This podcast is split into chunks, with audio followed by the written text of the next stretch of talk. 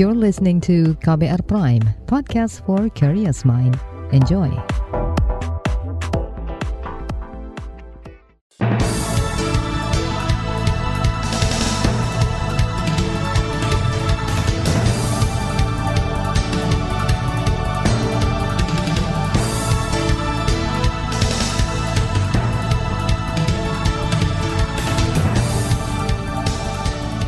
Selamat pagi saudara, senang sekali kami bisa menjumpai Anda kembali melalui program Buletin Pagi edisi Selasa 13 Desember 2022. Saya Naomi Liandra, sejumlah informasi pilihan telah kami siapkan, di antaranya upaya pemerintah mengantisipasi kenaikan inflasi akhir tahun. Pemerintah dinilai tak ingin ungkap kematian aktivis HAM Munir. Bantuan untuk korban gempa Cianjur ditambah. Inilah Buletin Pagi selengkapnya terbaru di Buletin Pagi. Saudara, pemerintah pusat mewanti-wanti pemerintah daerah untuk mengantisipasi kenaikan inflasi di akhir tahun. Menurut Inspektur Jenderal Irjen Kementerian Dalam Negeri Tom Sitohir, inflasi di daerah bisa naik signifikan saat permintaan bahan pangan juga meningkat. Ini disampaikan Tomsi saat rapat Koordinasi Nasional Pengendalian Inflasi Daerah kemarin. Kata dia, cabai rawit menjadi komoditas yang menyumbang kenaikan harga di sejumlah daerah berkaitan dengan antisipasi akhir tahun yang biasanya cukup signifikan untuk membuat kenaikan inflasi pada akhir tahun. Oleh sebab itu, mohon untuk seluruh kepala daerah betul-betul mengantisipasinya, khususnya bagi daerah-daerah yang cukup besar dalam merayakan pelaksanaan Natal dan Tahun Baru karena naiknya permintaan terhadap beberapa jenis komoditas bahan pangan. Irjen Kemendagri Tom Sitohir meminta kepala daerah segera merealisasikan belanja tak terduga atau BTT dan bantuan sosial untuk menekan kenaikan inflasi. Tercatat ada 250-an pemerintah daerah telah berupaya menangani inflasi, sedangkan 250-an lainnya belum melakukan upaya konkret menangani inflasi. Menurut data Badan Pusat Statistik BPS pada November 2022, terjadi inflasi secara tahunan sebesar 5,42 persen dengan indeks harga konsumen IHK 112,85.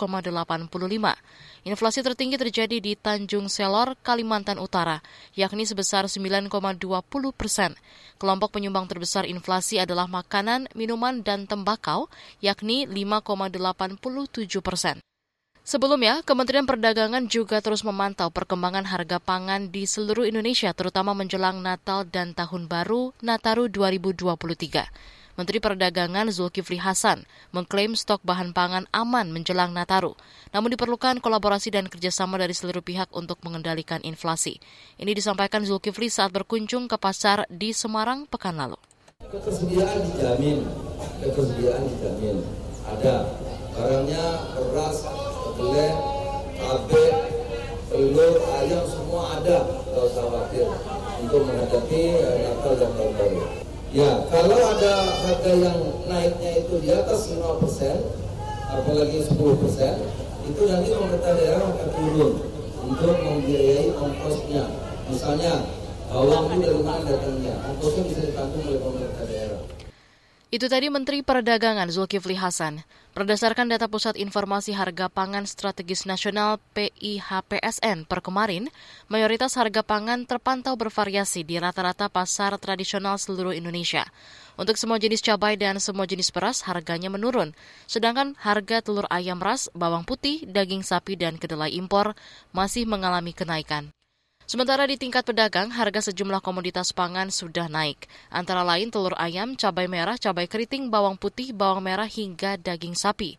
Selain itu, menurut Sekretaris Jenderal Ikatan Pedagang Pasar Indonesia IKP, Renaldi Sarijowan, pedagang juga mengeluhkan pasokan pangan yang mulai menipis. Permintaan tinggi, pasti harganya akan naik.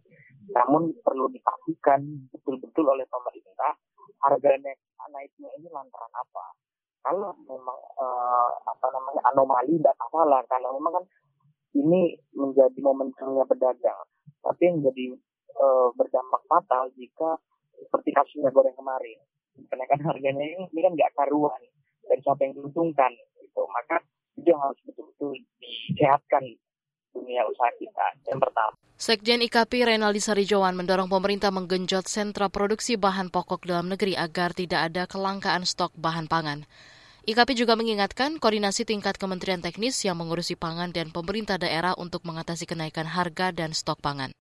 Soal inflasi, ekonom dari Lembaga Pemantau Ekonomi KOR, Muhammad Faisal, punya analisis berbeda. Menurutnya, inflasi akhir tahun ini justru sedikit lebih rendah dari tahun-tahun sebelumnya, yakni ada di kisaran 5 hingga 5,5 persen hingga akhir tahun. Namun ia mengingatkan pemerintah harus tetap waspada dengan sejumlah dampak inflasi. Bukan berarti sehat juga karena daya belinya yang dikhawatirkan mengalami uh, tergerus ya, ya karena karena uh, inflasi pada sisi supply maksud saya. Nah, Uh, jadi artinya yang perlu disesuaikan pada saat sekarang itu jadi artinya bukan hanya pengendalian inflasinya, tapi bagaimana meningkatkan daya beli daripada masyarakatnya, termasuk juga meningkatkan produktivitas atau produksi ya dari uh, petani kalau yang kaitannya dengan harga bahan pangan pokok. Pengamat ekonomi dari KOR Muhammad Faisal menekankan pentingnya intervensi pemerintah untuk meningkatkan daya beli masyarakat, seperti dengan menaikkan upah. Tujuannya agar masyarakat dapat mengimbangi kenaikan harga bahan-bahan pokok yang mulai terjadi sepekan terakhir ini. Selain itu, peningkatan produksi petani juga perlu dilakukan. Menurut data Badan Pusat Statistik BPS, pada November 2022 terjadi inflasi secara tahunan sebesar 5,42 persen dengan indeks harga konsumen IHK 112,85. Inflasi tertinggi terjadi di Tanjung Selor, Kalimantan Utara, yakni sebesar 9,20 persen. Kelompok penyumbang terbesar inflasi adalah makanan, minuman, dan tembakau, yakni 5,87 persen. Saudara, pemerintah dituding tak serius ungkap kasus pembunuhan aktivis HAM Munir Said Talib. Informasi selengkapnya sesaat lagi, tetap di Buletin Pagi KBR.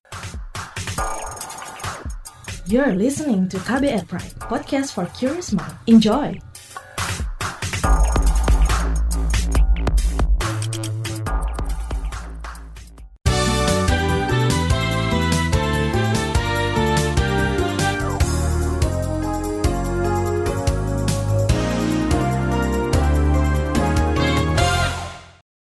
Pemerintah menjadikan pemberitaan pers sebagai referensi atau rujukan untuk meluruskan topik kebijakan dalam rapat-rapat tingkat kabinet kementerian. Menurut Menteri Koordinator Bidang Politik Hukum dan Keamanan Menko Polhukam Mahfud MD, kedudukan pers cukup penting dalam perjalanan tugasnya sebagai pejabat negara. Saudara terkadang kalau kita akan membuat kebijakan atau tindakan tertentu, terkadang terjadi perdebatan baik di kabinet maupun di lingkungan kementerian gitu. Tapi kita terkadang tidak bisa mengelak untuk mengatakan misalnya itu loh sudah diberitakan sedemikian rupa oleh pers sudah telanjang masalahnya dan masyarakat juga percaya terhadap ini seperti yang digambarkan oleh pers sehingga kita harus membuat kebijakan-kebijakan dan keputusan-keputusan yang tepat. Menko Polhukam Mahfud MD mengakui besarnya pengaruh pers dalam setiap pengambilan keputusan pemerintah. Apalagi kadang ada kebijakan dan keputusan yang harus melihat pertimbangan pemberitaan dari media.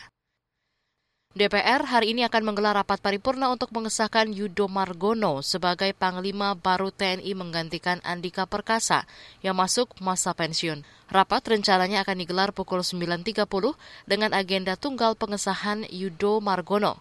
Yudo adalah Kepala Staf Angkatan Laut KSAL yang diajukan Presiden Jokowi sebagai calon tunggal Panglima TNI. Dalam uji kelayakan dan kepatutan, DPR telah menyetujui pencalonan Yudo. Beralih ke informasi hukum, LBH Jakarta menilai pemerintah tidak ingin mengungkap kasus pembunuhan aktivis HAM Munir Said Talib.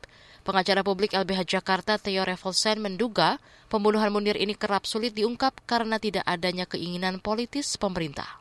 Nah, selain keinginan politik eh, yang tidak ada, faktor uh, konfigurasi politik pasca reformasi itu juga menentukan kasus-kasus ini tidak bisa diungkap karena eh, orang-orang uh, yang diduga sebagai pelaku uh, pelanggaran HAM berat masih memegang jabatan integral dalam uh, pemerintahan. Pengacara publik LBH Jakarta Theo Reflesen berharap Komisioner Komnas HAM yang baru bisa mempercepat penyelidikan dan mengungkap dalang di balik pembunuhan aktivis HAM Munir. Pembunuhan aktivis HAM Munir terjadi awal September 2004. Saat itu Munir diracun menggunakan arsenik dalam perjalanannya ke Amsterdam menggunakan maskapai Garuda Indonesia.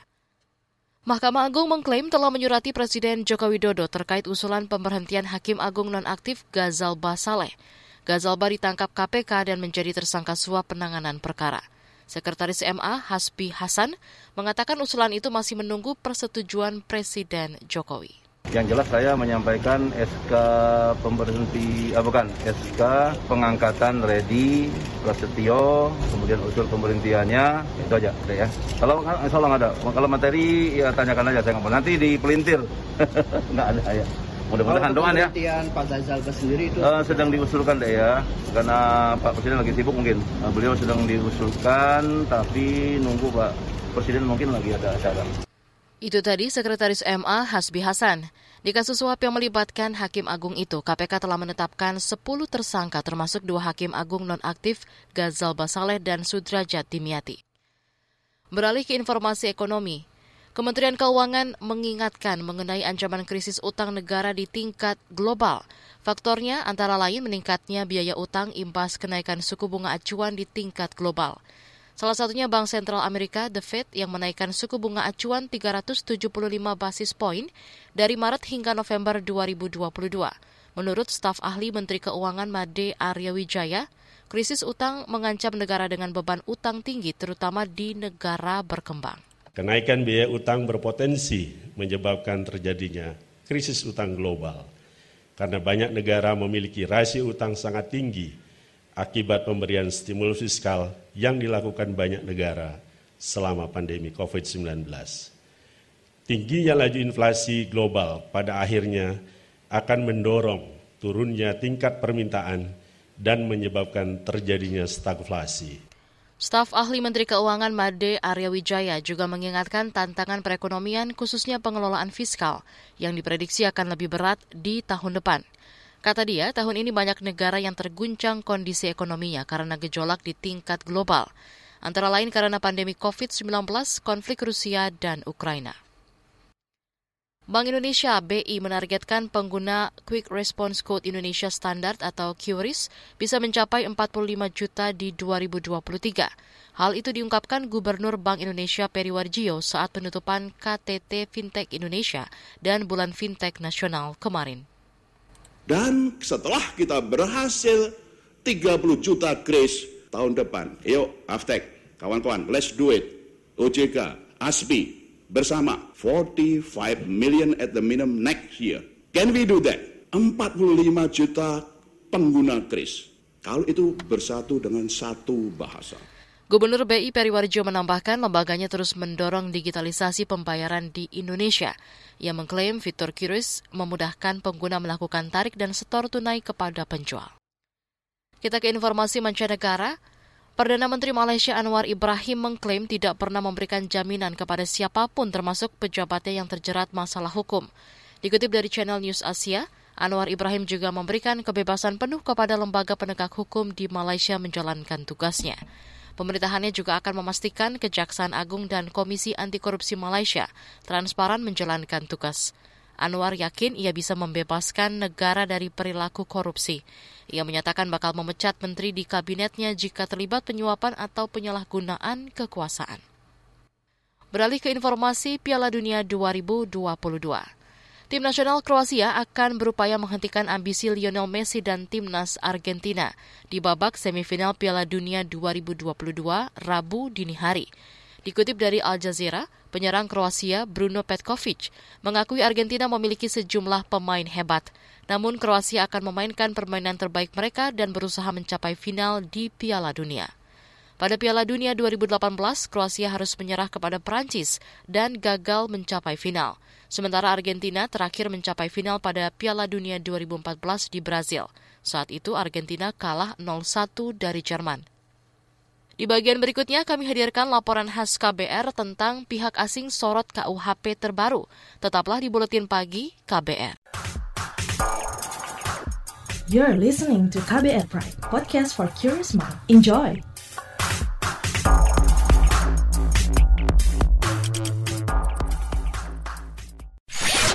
Commercial break. Commercial break. Sekarang kamu nggak bakal ketinggalan berita lagi. Lewat podcast, kamu bisa kembali menyimak apa yang sudah lewat serta obrolan seru di balik sebuah peristiwa. Gak perlu repot download aplikasi lagi. Ketik aja kbrprime.id di browser ponsel pintar kamu dan simak beragam podcast di KBR Prime. Mulai rangkuman berita hingga cerita. KBR Trending, Ruang Publik, Love Buzz, Disko, Diskusi Psikologi, Parbada, Ngulas Film, Lika-Liku Mancanegara, Cek Fakta, dan masih banyak lagi. Jadi waktu pas saya mau bunuh diri itu halusinasi saya bilang mati aja buruan sampah katanya mau mati. Teman-teman juga ada pada tahu sih I'm gay. Tapi mereka fine-fine aja sih selama kita baik mereka welcome kok. KBR Prime menemani aktivitas harianmu yang padat dengan beragam informasi dan obrolan seru. Kapan saja dan di mana saja. Temukan juga podcast KBR Prime di aplikasi podcast lainnya. KBR Prime, cara asik mendengar berita. KBR Prime, podcast for curious mind.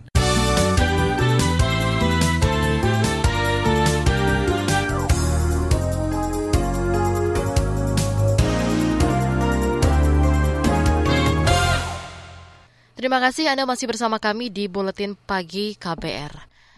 Saudara, pengesahan rancangan Kitab Undang-Undang Hukum Pidana RKUHP beberapa waktu lalu masih memunculkan sejumlah kontroversi. Sorotan bahkan datang dari luar negeri. Selengkapnya kita simak laporan khas KBR disusun Reski Novianto. Perserikatan Bangsa-Bangsa menegur keputusan DPR RI yang mengesahkan rancangan Kitab Undang-Undang Hukum Pidana RKUHP menjadi KUHP. Badan multilateral itu menilai sejumlah aturan baru dalam KUHP tidak sesuai dengan nilai-nilai kemanusiaan. Dikutip dari laman resminya, Jumat 9 Desember lalu, PBB menyatakan bahwa KUHP yang direvisi itu diskriminatif. Selain itu, sejumlah pasal dalam KUHP dianggap tidak sesuai dengan kebebasan dasar dan hak asasi manusia. Tidak hanya PBB, sorotan keras juga datang dari pemerintah Amerika Serikat dan Australia. Dikutip dari AFP, Juru bicara Departemen Luar Negeri AS, Ned Price, menyebut negaranya khawatir tentang perubahan yang dapat berdampak pada pelaksanaan hak asasi manusia HAM dan kebebasan mendasar di Indonesia akibat pengesahan RKUHP itu. Ned Price menyebut ini akan berdampak negatif bagi warga Amerika di Indonesia maupun bagi iklim investasi. Media Australia juga memberi peringatan ke warganya yang menjadi turis di Indonesia, terutama yang berpergian ke Bali. Australia mengimbau bagi warganya soal pidana bagi pelaku seks di luar nikah seperti yang diatur KUHP terbaru. Ini dilakukan media setempat utamanya bagi turis negara itu yang pergi berkunjung ke Bali yang merupakan tujuan favorit warga negeri kanguru. Khawatiran asing ditanggapi santai oleh pemerintah. Wakil Menteri Hukum dan HAM, Edward Omar Syarif Yaris mengatakan ada tiga pasal pidana yang berbeda-beda pada setiap negara, yaitu delik penghinaan, delik kesusilaan, dan delik politik. Karena itu di hadapan PBB, Edward menegaskan tiga delik itu tidak bisa dibandingkan dengan negara lain karena sesuai dengan kondisi sosial hingga politik di tanah air.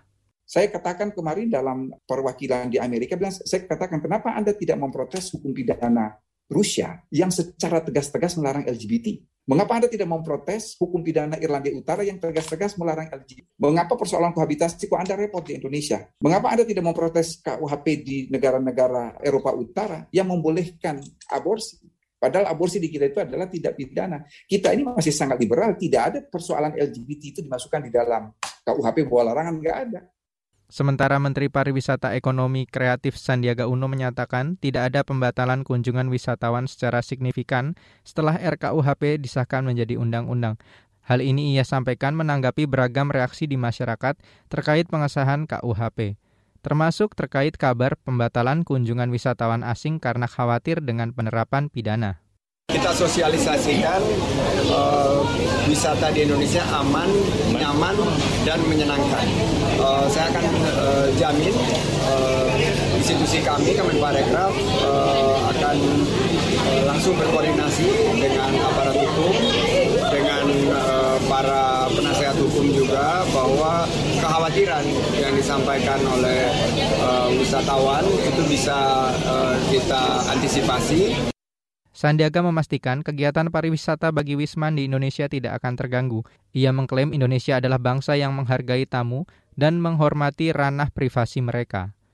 Kalangan parlemen turut angkat suara terkait sorotan asing terhadap KUHP terbaru. Anggota Komisi Bidang Hukum DPR, Habibur Rahman menyebut, Undang-Undang KUHP merupakan produk perundang-undangan terbaik yang dihasilkan DPR. Ia juga menolak KUHP disebut anti-demokrasi dan bisa dimanfaatkan untuk mengkriminalisasi. Jadi jauh lebih merusak KUHP yang lama daripada KUHP yang baru. Nah, sementara tidak mungkin bagi kita terus mengulur waktu. Harus ada uh, pengambilan keputusan. Sebab semakin lama di tunda pengambilan keputusan, korban-korban KUHP bersama undang-undang yang berlaku bersama KUHP ini akan semakin banyak berjatuhan. Nah itulah akhirnya kita kemarin sahkan dan kami uh, percaya diri mengatakan inilah produk perundang-undangan yang paling baik yang uh, bisa kami hasilkan. Kontroversi disahkannya Undang-Undang KUHP terbaru turut disorot Koalisi Masyarakat Sipil. Anggota koalisi Rozi Brilian dari LSM Kontras menilai Pengesahan RKUHP membuktikan proses legislasi yang buruk. Ia mengatakan selama pembahasan RKUHP, partisipasi masyarakat sangat minim. Masukan masyarakat soal berbagai pasal bermasalah juga tidak didengar.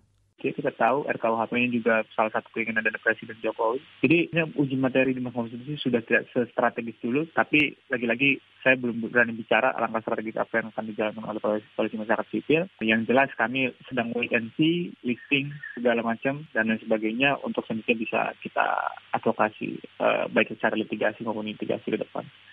Demikian laporan khas KBR, saya Reski Novianto.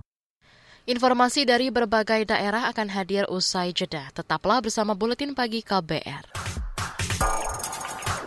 You're listening to KBR Pride, podcast for curious mind. Enjoy!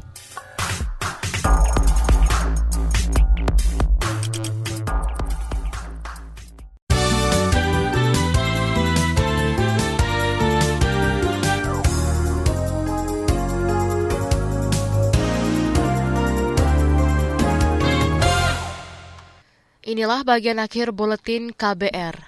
Pemerintah menambah bantuan bagi korban gempa di Cianjur, Jawa Barat. Menteri Koordinator Bidang Pembangunan Manusia dan Kebudayaan Menko PMK Mohajir Effendi mengatakan nilai bantuan perbaikan untuk rumah rusak berat menjadi 60 juta dari sebelumnya 50 juta rupiah. Sedangkan rumah rusak sedang bertambah menjadi 30 juta dari sebelumnya 25 juta dan rumah rusak ringan sebesar 15 juta dari sebelumnya 10 juta rupiah.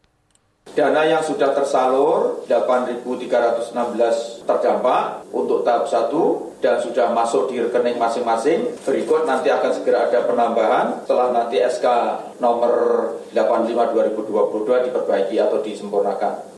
Itu tadi Menko PMK Muhajir Effendi. Saat ini jumlah rumah rusak akibat gempa Cianjur mencapai 56 ribu unit rumah. Dari jumlah itu 13.000 unit di antaranya rusak berat, 16.000 rusak sedang, dan 26.000 rusak ringan. Sementara jumlah korban akibat gempa mencapai lebih dari 300-an orang.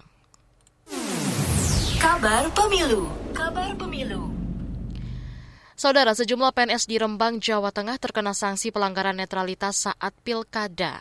Hal ini menjadi salah satu alasan Badan Pengawas Pemilu Rembang untuk mengawasi netralitas PNS menjelang pemilu 2024.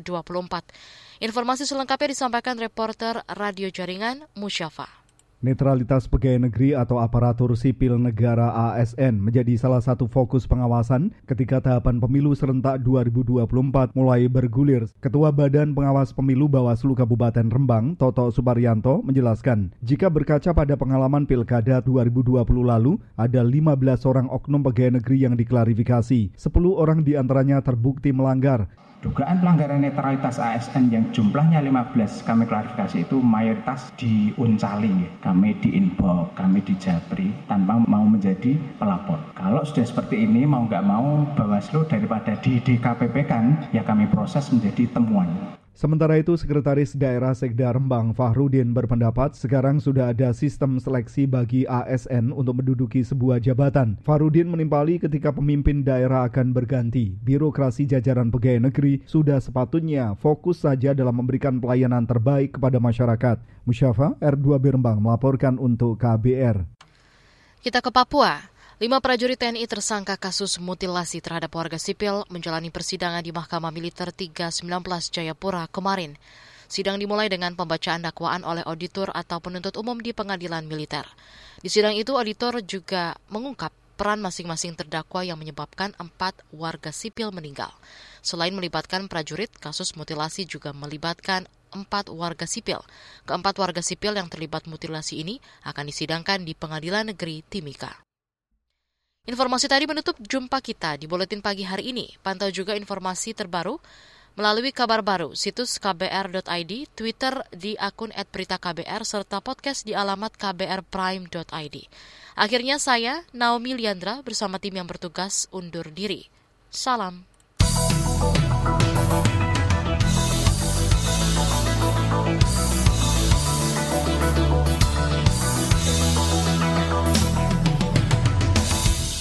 KBR Prime, cara asik mendengar berita.